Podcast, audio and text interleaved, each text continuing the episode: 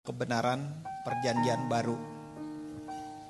Satu kata kunci kebenaran dalam perjanjian baru ini adalah mempunyai ruang kesalahan. Kalau dalam perjanjian lama atau hukum Taurat, siapa pun yang salah hari itu dihabisi, dihukum dan tidak ada belas kasihan. Perjanjian baru ini adalah perjanjian di mana kita melihat Tuhan punya ruang kesalahan dalam hidup kita. Kegagalan kita, kejatuhan kita, keberdosaan kita. Dan itu hal yang berbeda antara perjanjian lama dan perjanjian baru.